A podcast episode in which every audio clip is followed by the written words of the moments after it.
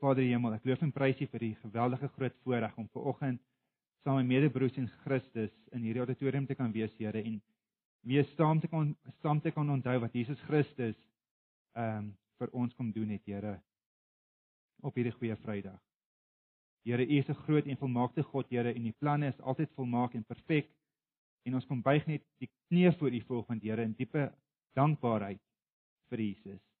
Here, waar ons nou na U woord gaan kyk, waar ons saam gaan dink oor wat Jesus vir ons gedoen het, wat Jesus vir ons moontlik gemaak het, Here, wil ek vra dat U U Gees sal gee om hierdie ou ou waarhede nuut vir ons te maak, Here, vars vir ons te maak, Here, dat ons wanneer ons vandag uit hierdie lokaal uit gaan, Here, en terug in die wêreld gaan, Here, dat ons onthou dat ons kinders van die Allerhoogste God is. En ek vra dit met diep afhanklikheid, Here, en ek vra dat U my sal help om U mense goed te bedien met die woord vanoggend. En Heilige Gees, ek vra dat U nou totaal en al van my lippe sal beheer neem en dat ek net die waarheid sal praat vanoggend soos wat dit U behaag in Jesus naam. Amen. Goed, ek nooi julle asseblief vir my te blaai na die na die brief 1 Petrus 1 Petrus 1 vers vers ehm um, 17 tot 19. Ek kom ons lees saam. 1 Petrus 1 vers 17 tot 19. Aangesien julle hom as Vader aanroep wat oor wat oor alle mense onpartydig volgens sy dade oordeel, lewe dan in eerbied vir hom gedurende die tyd van julle vreemdelingskap in die wêreld.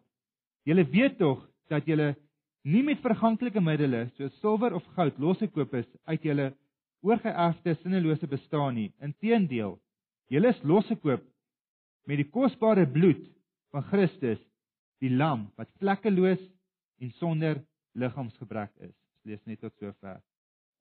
Nou, ehm uh, ek het vir my 31ste verjaarsdag 'n DVD persent gekry met die titel Smugglers Ransom. Ehm um, in kort hierdie die DVD gehandel oor 'n jong meisietjie met naam van ehm um, Carmen wat onwettig Bybels in Roemenië ingesmokkel het. En sy is toe gevang deur die Sowjetunie wat daai tyd beheer was ehm uh, van Roemenië en sy is as gijslaer aangehou en daar was 'n losprys op haar kop. En daardie losprys was haar eie pa wat 'n kernfisikus was. Nou soos julle sou kan agterkom die die die die, die, die Amerikaners ehm um, kon nie toelaat dat haar pa ehm um, die um, deur die Sowjetunie gekry word nie omdat hy kernfisikus was en hulle stuur in die en die um, en die en die Amerikaners stuur toe 'n tipiese James Bond om Carmen te gaan te gaan red uit haar gevangenskap uit. Nou Donnelly wat die geheime agent speel was nie Christen nie en en hulle spandeer toe 'n hele klompie tyd saam met hierdie vlugteling storie en haar getuienis beweeg iets in Donnie se hart en hy kom toe tot reddende geloof in Jesus Christus gedurende ehm um, hierdie hele proses om haar te ehm um, te laat ontsnap. Nou die storie was nie per se baie baie goed nie. Maar een iets wat vir my baie opvallend was op die cover van die DVD was die subtitel of die tema van die van van die DVD. En dit is so gelees: Her life to risk, his soul to save. Her life to risk, his soul to save. En ek het 'n bietjie gedink oor hierdie ehm um, subtitel van die DVD en ek het besef wanneer ons dink oor Jesus wat Jesus gedoen het. Toe hy aarde toe gekom het om te sterf, was daar geen risiko nie. Jesus het nie 'n risiko gevat nie toe hy aarde toe gekom het nie. Sy lewe, dood en opstanding was met 'n spesifieke intensie. En dit is om sondaars te red. Dit is en dit is om sondaars te red. So uh hy het nie aarde toe gekom en ewe skielik in 'n komplot beland en sy lewe verloor nie. Dit was doelbewus. Sy koms aarde toe was doelbewus. Die profete van oud het dit geprofeteer. So dit was doelbewus dat Jesus Christus aarde toe gekom het om sondaars um, te red. Nou Hebreërs 2 vers 14 sê dit baie duidelik vir ons Hebreërs 2 vers 14 tot 15 as u wil volg in julle Bybels. Aangesien hierdie kinders mense van vlees en bloed is, het hy ook net soos hulle mens geword. Dit het hy gedoen om deur sy dood die een wat mag het oor die dood, dit is die duiwel, te vernietig en om hulle wat uit vrees vir die dood hulle hulle hele lewe lank in slawerny was te bevry. Wat iemand raak is dat Jesus Christus intensies doelbewus was. Hy het doelbewus aarde toe gekom, soos ek gesê het, om die te red wat verlore is. Hy was doelbewus. En dit bring ons by vanoggend se teksgedeelte 1 Petrus 1 vers 17 tot 19. En ons gaan sien dat Christene, die wie gered is, um, deur Jesus se volmaakte middelaarswerk 'n opdrag kry Ehm uh, dis eintlik een van drie opdragte, maar ons gaan net na die eerste ag na die ons gaan na die derde opdrag kyk want die verse voor was daar was daar twee ander opdragte wat Petrus spesifiek vir vir die gemeente skryf vir wie hy geskryf het, maar kom nou by die konteks. Ehm uh, so daar is 'n opdrag wat gehoorsaam moet word deur Christene op hierdie goeie Vrydag. Op hierdie goeie Vrydag, maar ook al die dae voor goeie Vrydag en al die dae na goeie Vrydag. En ons gaan ook die rede sien. Die rede sien hoekom ons hierdie opdrag moet gehoorsaam. Nou die opdrag maar ons moet gaan kyk is om eerbied of of om in eerbied vir Jesus te lewe. Of om dit anders te stel om eerbiedig voor Jesus te lewe. En die rede hoekom ons daardie opdrag moet uitvoer, die rede hoekom ons in eerbied vir Jesus Christus moet lewe, is omdat Jesus Christus aarde toe gekom het en vir ons vermoor is. Die rede hoekom ons daardie opdrag moet gehoorsaam, is omdat Jesus Christus doodgemaak is vir sondaars. Nou dis ook my twee punte wat wat nou ons vandag gaan kyk. Nou net enkele opmerkings oor Petrus se gehoor voor ons na die teks gedeelte gaan kyk. Nou Petrus is die eh, Petrus is die outeur van uh, van 1 Petrus, soos dit aflei by by by, by die brief. En en hy sit in Rome. En kort voordat hy die brief geskryf het of kort nadat hy die brief geskryf het, ekskuus, ehm um, toe ehm uh, um, um, Nero is in bewind, Rome is afgebrand en Nero vervolg Christene. So Petrus sit in Rome vermoedelik byna ehm um, daar's daar's daar's ook 'n losprys op sy kop, ook sy hy kan moontlik sy moontlik sy moontlik sy lewe verloor. En hy onthou dat daar kerke is gemeenskappe is in Klein-Asië wat baie soos ons van eh, van Pretoria is. Daar's vrouens, daar was mans, daar was ou mense, daar was jong mense, daar was kindertjies, daar was Jode, daar was nie Jode. So was 'n groot mengelmoes van van mens en kultuur daarso. Daar was die Joodse kultuur, daar was daar was die daar was die Romeinse Griekse kultuur in daardie tyd. Daar was die Jode, hulle uh godsdienste beoefen, die ware Christene het in uh, die ware God uh, gaan bid en dan was ook afgodsdienaars. So hy onthou van die mense in Klein-Asië, die noordelike gedeelte van Klein-Asië. En hierdie mense was die mense wat waarvan gepraat word in Handelinge 2 vers 9. Nou as as julle ont, ont kan onthou van in Handelinge 2 vers 9, ehm uh, daar was 'n klomp mense saam in by een geplek, ag by een plek en die Heilige Gees is daar so uitgestort en die mense kom toe tot bekering. So hulle hulle gedagtes het verander, hulle denke uh, uh, uh, hulle denke is vernuwe, hulle dade is vernuwe. So hulle het uit daardie heidense Klein-Asië gekom, die evangelie gehoor tot bekering gekom, nou wil hulle teruggaan na hulle huise toe. Nou julle kan dink as my vroutjie byvoorbeeld 'n uh, 'n uh, 'n afgodsdienaar was en ek is ook 'n afgodsdienaar en sy gaan na hoor na wat Petrus te sê, dis sy kom by die huis en sy offer nie meer aan Athene nie. Hoe gaan ek reageer toe na aan teenoor haar? Ek sal die huis uitskop, want sy wil nie my God aanbid, sy aanbid een of ander vreemde god. So dis dit is die scenario waar Petrus se se lesers hulle self bevind. Hulle is nou terug by hulle samelewing, terug by hulle daar's 'n Christen kerke geplant daarso en hulle is nie meer so populêr nie. Van hulle moontlik hulle huise verloor, van hulle moontlik hulle werke verloor, van van hulle is moontlik uit hulle huisgesinne uitgeskop. So Petrus onthou hierdie mense en hy skryf hulle. Hy sê ek gaan hy sit in 'n baie moeilike situasie en hy weet ook hierdie Christene sit ook in 'n baie moeilike situasie. So hy skryf vir hulle om hulle te bemoedig sodat sodat hulle kan bly vas staan in die geloof. Ten spyte van al hierdie hierdie heidense praktyke rondom hulle, ten spyte van al hierdie vervolging, wil hy wil hy graag hê hulle moet vas staan. So hy gee hulle die opdrag in vers 17.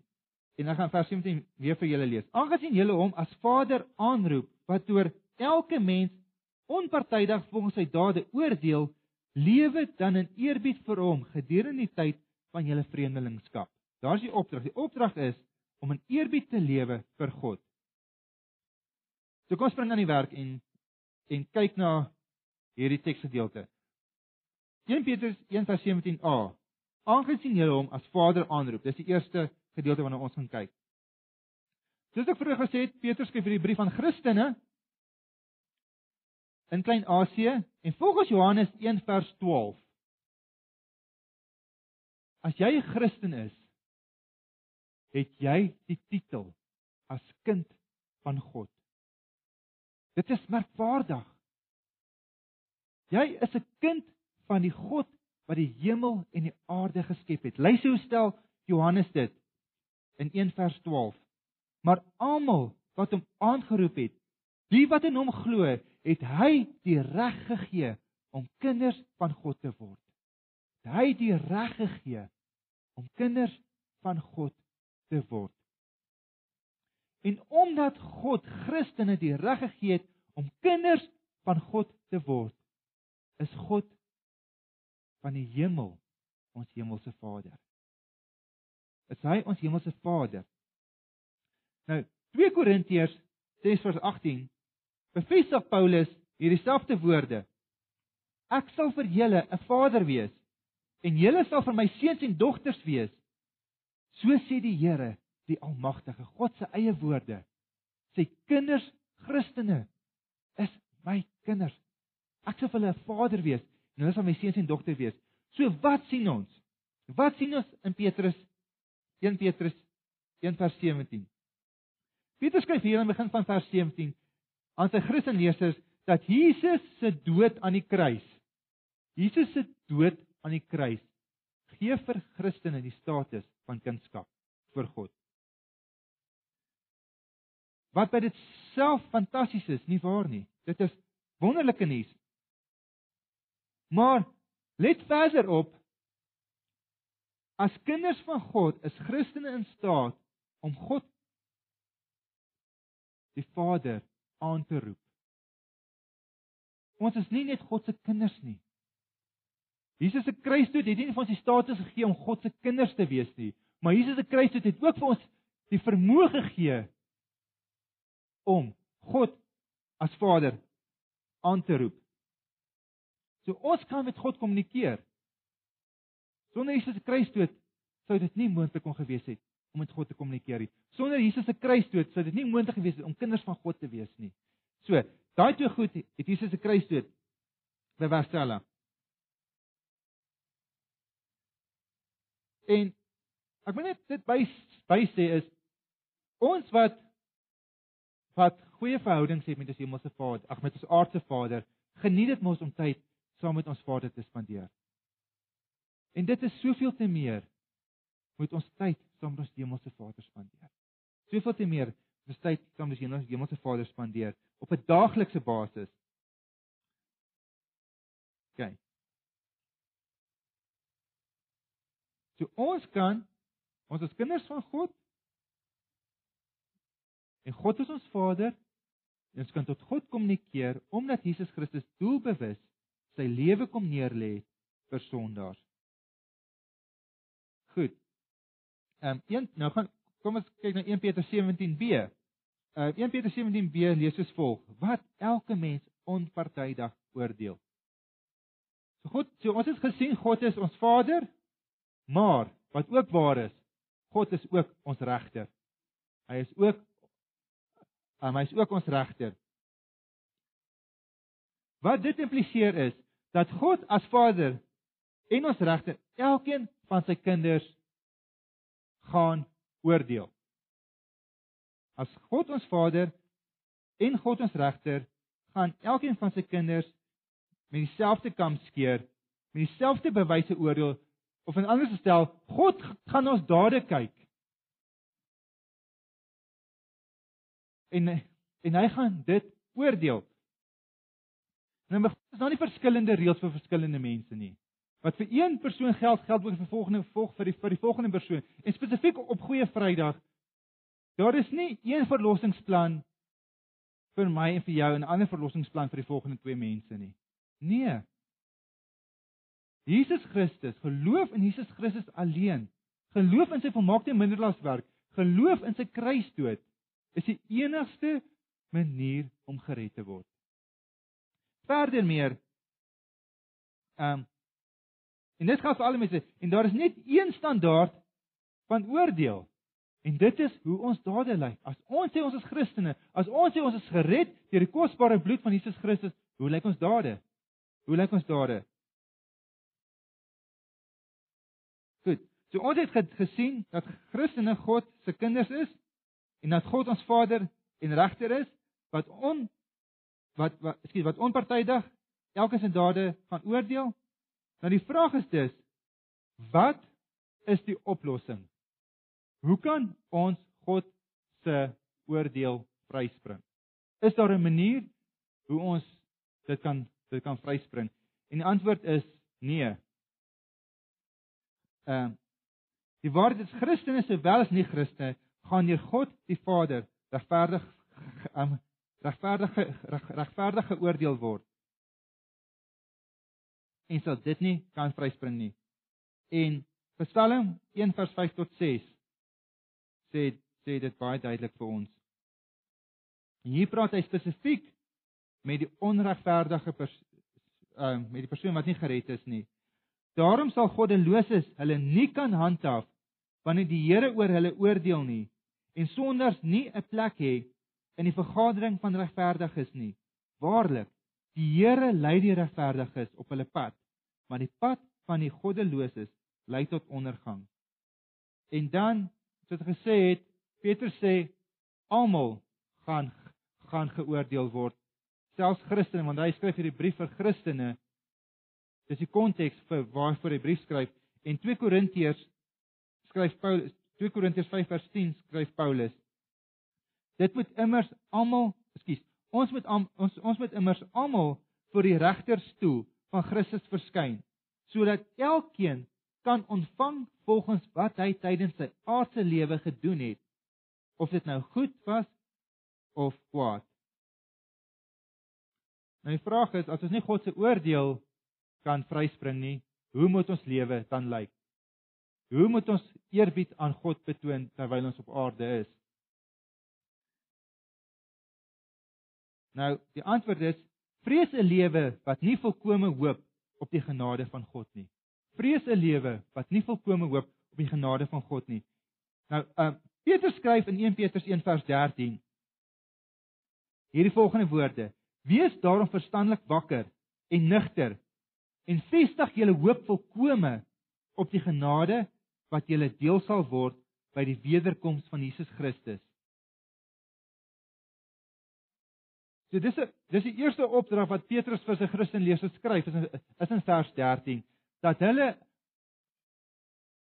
ehm um, verstandelik wakker en nugter moet wees en hulle hoop volkome op die genade van van hier uh, van Jesus Christus vestig. Nou wat Petrus hier vir Christene skryf is kardinaal belangrik. Is ehm uh, wat ons as Christene moet vrees of hoe ons as Christene nie 'n lewe moet lewe nie. Um of hoe of, of hoe ons as Christen nie eerbied aan God in betoon nie is om te lewe asof daar geen hoop in Jesus se genade is nie. Net iets uit my eie lewe uit vir um tot my groot skaamte. Baie keer as as ek 'n krisis in my lewe het, dan gaan ek eers na my eie planne toe in my eie kop, maar ek vergeet dat daar 'n God is wat volkome in beheer is van die hele situasie want hy is soewerein. Nie waar nie. So ehm uh, op daai oomblik wanneer ek besig is met my eie planne, vergeet ek totaal en al van God. Vergeet ek totaal en al van van van sy genade. Vergeet ek totaal en al van dat hy my enigste hoop is uit hierdie krisis uit waarin mense is. So So 'n lewe wat ons moet vrees is 'n lewe as as is 'n lewe is is om te lewe asof daar geen hoop in God ons Vader se genadewerk is nie. 'n Hopelose lewe moet moet moet vrees in ons harte inboesem. Ek kan nie dink om met iemand wees wat wat geen hoop het nie.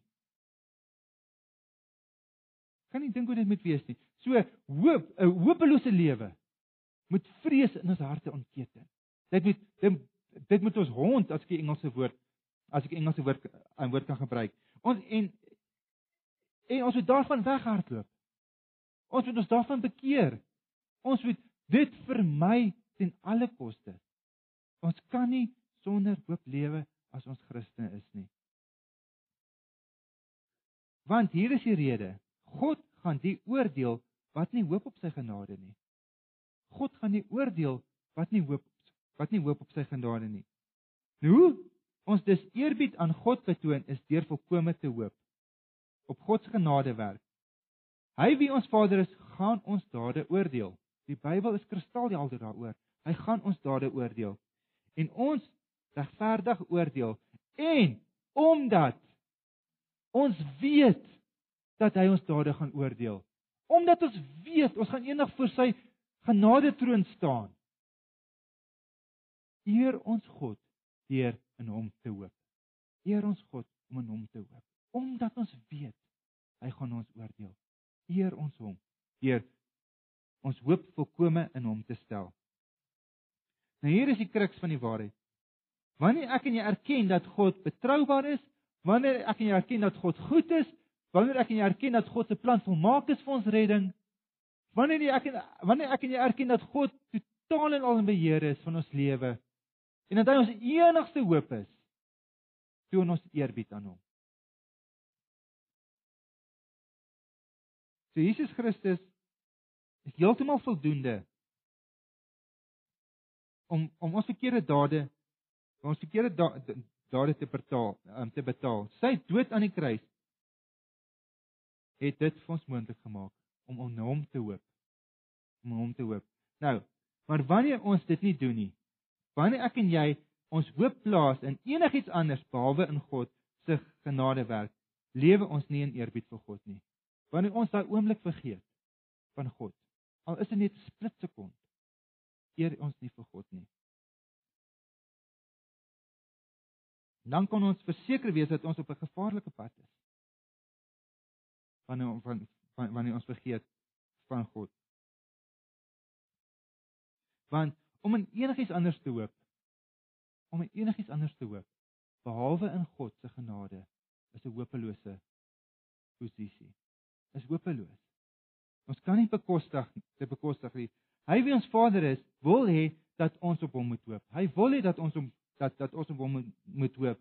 Hy wil hê ons moet hom vertrou vir alles. Dit is 'n lewe van eerbied vir God. Elke greintjie van ons moet moet streef daarna om in God te hoop. Mag mag dit vrees in ons harte bring Mag ons die dag vrees wanneer ons lewe asof daar geen hoop by God is nie. Mag ons die dag vrees wanneer ons lewe asof ons hemelse Vader nie bestaan nie. Mag ons onthou dat God ons dade gaan oordeel as ons nie in hom hoop nie. Nou Romeine 10 vers 20 is 'n waarskuwing vir ons elkeen. En daar staan geskrywe: Dis waar Hulle is uitgekap omdat hulle nie geglo het nie. Jy is daar ingeënt omdat jy glo. Moenie daaroor hoogmoedig wees nie. Hou rekening met God. My tweede punt. Ja, en my laaste punt. Onthou nou weer, ons het gesien dat God ons Vader ons dade gaan ons dade gaan ons dade gaan oordeel. Wat wat dan in die wat dan 'n uh, wat wat dan 'n reaksie in ons harte moet ontketen en dit is om eerbied vir uh, uh, vir vir uh, vir God te lewe. Die gevolg van hierdie reaksie wat binne in ons harte ontstaan moet 'n lewe dan van moet 'n lewe dan van dan van eerbied wees. So die tweede manier hoe ons eerbied aan God moet betoon is om te weet en te glo dat sy bloed sy kosbare bloed kosbare bloed van Jesus Christus ons losgekoop het van ons sonde. Dit was die losprys wat op ons koppe was. Ons moes dood gegaan het, ons moes self aan die houtkruis gehang het. Ons moes self 'n perfekte lewe gelewe het. Ons kon nie dit gedoen het nie. So ons moes self gesterf het aan daardie kruis. So ons eie lewe was op ons koppe. So hoe ons dan eer aan God betoon is om te weet en te glo dat ons losgekoop is met die kosbare bloed van Jesus Christus. Omdat Jesus die prys betaal het vir ons sondes, moet daar ook 'n reaksie binne ons harte plaasvind. Ons kan nie net so soos soos klippe hoor dat Jesus Christus ons ons volmaakte middelaar is en ons geen reaksie in ons nie. En en, en, en almal wie vandag Christene is, weet wat se reaksie dit ons harte ehm um, teweeg gebring het. Daai hart van klip is uitgehaal as hart van vlees gegee. En die eerste keer in 'n in 'n leeftyd besef 'n mens die wonder van uh, van die evangelie van Jesus Christus. Besef 'n mens wat het Jesus Christus ge, wat het Jesus wat het Jesus Christus gekos het of ons sondes uh, uh, om om om ons sondes te betaal. Omdat Jesus die prys betaal het vir ons sondes, is is daar 'n reaksie in ons harte. Maar luister eers na 1 Petrus 1 vers 18 en 19. 1 Petrus 1 vers 18 en 19. Julle weet tog dat julle nie met verganklike middele, soos silwer of goud, losgekoop is uit julle oorgeerfde sinnelose bestaan nie. Inteendeel, julle is losgekoop met die kosbare bloed van Jesus Christus, die lam wat vlekkeloos en sonder liggaamsgebrek is. In verse 18 en 19 is hier Petrus geskryf met dieselfde implikasie as wat vers 17 ges, as wat vers 17 geskryf is. Petrus sê dat God se kinders in eerbied vir hom moet lewe gedurende die tyd van hulle vreemdelingskap omdat ons weet dat ons omdat ons weet dat dinge soos goud en sul goud en sul Omdat ons weet dat ons nie met verganklike dinge soos goud en silwer losgekoop is nie. Omdat ons weet dat ons nie met verganklike dinge soos goud en silwer aan aan losgekoop is nie. Uit ons sinne uit ons sinnelose lewenswyse nie. Dinge soos goud en silwer is verganklik. Dit is verganklik, dit gaan verby. Dit is dit is dit, dit daar daar is hier 'n vergelyking en met dit wat Jesus Christus met met dit wat wat Jesus Christus ge, ge, gebruik as ek so kan uitdruk om vir ons lewens te betaal nie. Dit is waardeloos. Jesus het ons losgekoop met sy kosbare bloed. Nou, ek dink julle almal sal mee saamstem as hierso buite 25 fidelity guard ehm um, trokkie staan en daar kom gewapende mansies in en hulle kom sit sakke vol geld hierso neer voor ons. En hulle sê dit is julle losprys vir julle sondes. Besef ek dink ons ons almal sê dit is nonsens. Want daardie geld soos Petrus gesê het is nutteloos, dit vergaan. Dit vergaan. Maar as iemand hier inkom en vir ons sê dat daar klaar iemand in jou plek vir jou sondes doodgemaak is. En hy het sy lewe vir julle gegee dan sê ja. Want dit is presies wat wat wat Jesus gedoen het. Die prys is te groot wat ons moes betaal het vir ons sondes as geld. Lewe moes 'n lewe moes gegee gewees het sodat ons gered kan word Maar Jesus se kosbare bloed, Jesus het die hoogste prys betaal om ons uit ons sinnelose lewenswyse los te koop. Hy het met sy lewe betaal. Hy het dood gegaan vir ons sondes. Sy bloed het vir my en vir jou losgekoop. En dit is wat ons moet moet beweeg. Dit is wat ons moet beweeg tot eerbied vir God. Die feit dat Jesus Christus 'n gruwelose dood gesterf het 'n dood wat selfs die Romeine, suster het gesê, Mag die gedagtes van die kruisiging nie naby nie naby 'n Romein kom nie. Die Romeine het die kruisiging, hoewel die Romeine dit aan dit toegepas het, was dit vir hulle 'n gruwel. Dink dit vir te meer was die kruisiging vir vir God 'n gruwel dat sy seun aan daai kruis gehang het. En dit is wat ons moet beweeg tot eerbied vir God op hierdie goeie Vrydag. Dit wat ons vandag vier is nie 'n ligtelike ding nie. Dis nie 'n ligtelike ding nie. Romeine 8:32. Hy het sy eie seun nie gespaar nie, maar hom oorgelewer om ons almal te red. God het gesê: "Hier is my seun. Sy naam is Jesus. Ek stuur hom aarde toe. Vuil, sondige aarde waar wrede mense is. Doen met hom wat jy wil. Ruk sy baard uit. Spoeg op hom kloof sy rug oop met swepe. Druk 'n doringkroon in sy kop in. Spyker hom vas aan die kruis. Ek ek is selfs bereid om hom te verlaat sê God. Wat doen met hom wat nodig is sodat die wêreld se sondes vergewe kan word. Dit is die gewigtigheid van Goeie Vrydag.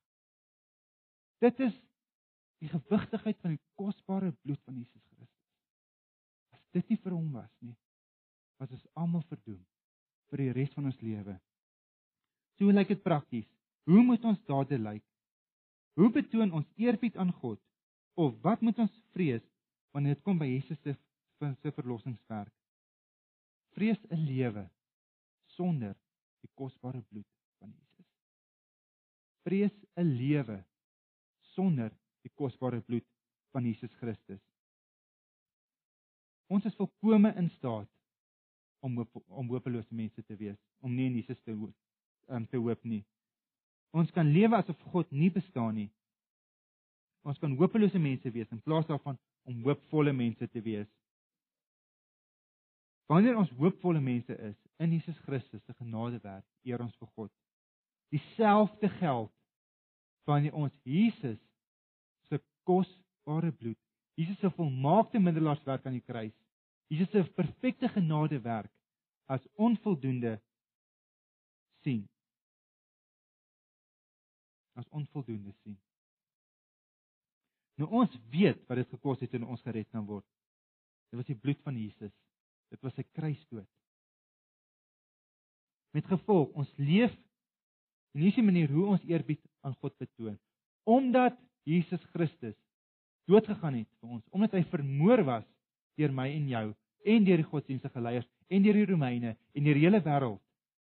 Omdat ons hom vermoor het, leef ons nou nuwe lewens uit dankbaarheid vir dit wat Christus bereik het met sy kosbare bloed en streef ons elke dag daarna om oorwinning te behaal oor ons sondes.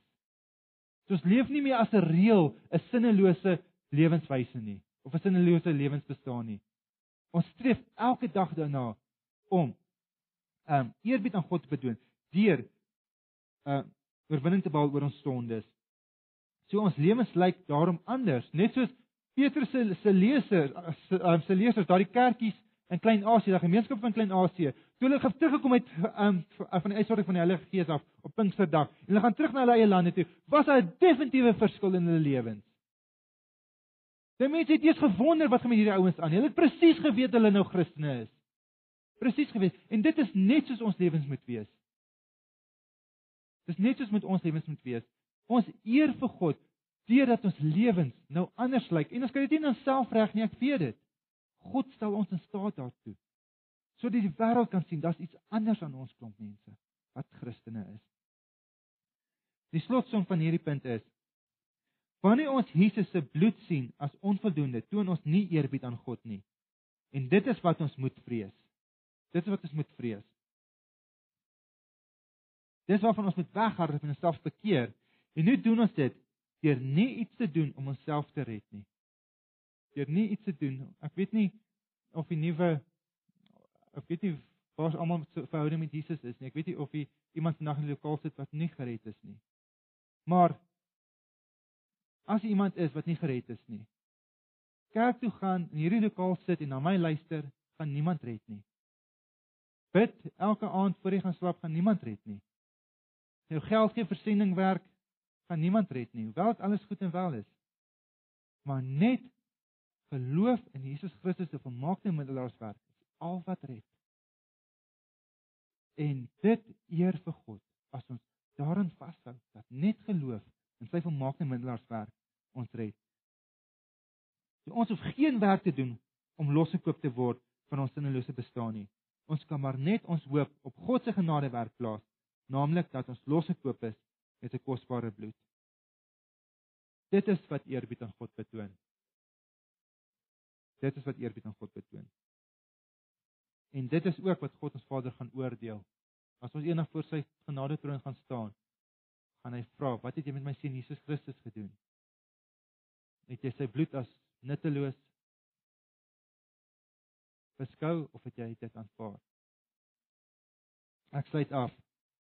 Die rede kom God die Vader nie sy eie seun gespaar het nie, maar hom oorgelewer het om ons almal te red met sy kosbare bloed, was om ons regverdig te verklaar sonder sonde. Ek gebruik hierdie eh, ek gebruik hierdie eh, hierdie illustrasie baie. God sal nooit 'n bruid aanvaar wat sopas voor haar troudag in 'n poel modder beland het. En daar's blare en modder en nat gras en alles op 'n rok. Daai pragtige wit rok van haar is is heeltemal pyl en gevlek En ek dink enigiemand sal sal so wil vir God verskyn nie. En van ons wie getroud is hier in hierdie lokaal, sal nie so vir jou man verskyn voor voor die kansel nie, nie waar nie. Jy sal enigiets een vermoed doen om daai rok so gou as moontlik te red, al moet jou man 'n uur wag of jy aanstaan 'n man nog 'n uur wag voor hy eers met jou kan trou. Maar jy sou gaan plan maak so daai vuil rok van jou lyf af kan kom dat jy 'n skoon rok aan het. En dis presies wat Jesus Christus se bloed kom doen het. Daai daai vuil rok wat ons aangetree het, het hy kom uittrek vir ons. En Jesus Christus se geregtigheid vir ons aangetrek. Nou kan ons met vrymoedigheid na God toe gaan. En vir sê Jesus Christus, ek is jou bruid.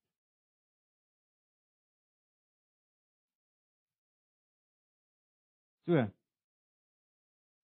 So Jesus Christus het aarde gekom sodat so ons regverdig kan verklaar word voor God deur sy kosbare bloed. So kom ons plaas ons hoop op hierdie goeie Vrydag, volkome in die genadewerk van God en toe en toon so eerbied aan ons hemelse Vader as kinders van God. En kom ons vrees God, ons Vader se oordeel as dit nie waar is van ons lewens nie. En kom ons lewe ons lewens in die lig van dat dat Jesus Christus se bloed kosbaar en voldoende was vir ons redding. En bring so eerbied aan God. En kom ons lewe in vrees oor God, ons Vader se oordeel as ons lewens lyk asof Jesus se bloed nie kosbaar is nie, maar goedkoop en nutteloos soos geld of silwer. Jesus het doelbewus aarde toe gekom as mens sodat ons losprys kon betaal word. Kom ons bring vandag eer aan hom deur ons hoop volkome op sy genade te plaas en deur volkome sy kosbare bloed as voldoende te sien. Amen. Kom staan die oor. Vader baie baie dankie vir die kosbare woord. Dankie vir die goedheid, Here. Dankie vir u seun Jesus Christus wat mens geword het. Die wat onder ons kom woon het, Here. Wat vir ons die wet van God volmaak gehoorsaam het wie toe vermoor was, Here, deur ek, deur myself, deur elke persoon in hierdie lokaal, deur elke persoon in die wêreld, Here. Dankie dat U U seun nie gespaar het, Here, maar hom oorgelewer het sodat hy vir ons sondes kon betaal. Vader, dis 'n gewigtige, gewigtige ding wat U kom doen het, Here. Groter liefde is daar nie. En Here, help ons om vandag daaraan te dink en dit te onthou. En in en u te eer Here deur dit te onthou. En deur elke dag ons hoop opnuut in u op u te plaas Here. En elke dag te streef uit om uit dankbaarheid Here om lewens te lewe wat aan aanneemlik vir U is Here omdat Jesus Christus gesterf het Here omdat U ons dade gaan oordeel Here. So ek pleit regtig Here dat dat U my sal vergewe waar ek male sonder taal my hoop nie op U plaas nie. Van U genade vergeet. Vergewe my Here waar ek male sonder taal vergeet van die bloed van Jesus Christus. En nog steeds wat ek probeer om U te beïndruk. Vader, en ek vra dat U elkeen van ons in die lokaal wat dit ook vergeet, Here, wat dit ook doen, soms sal vergewe. Jesus se naam. Amen.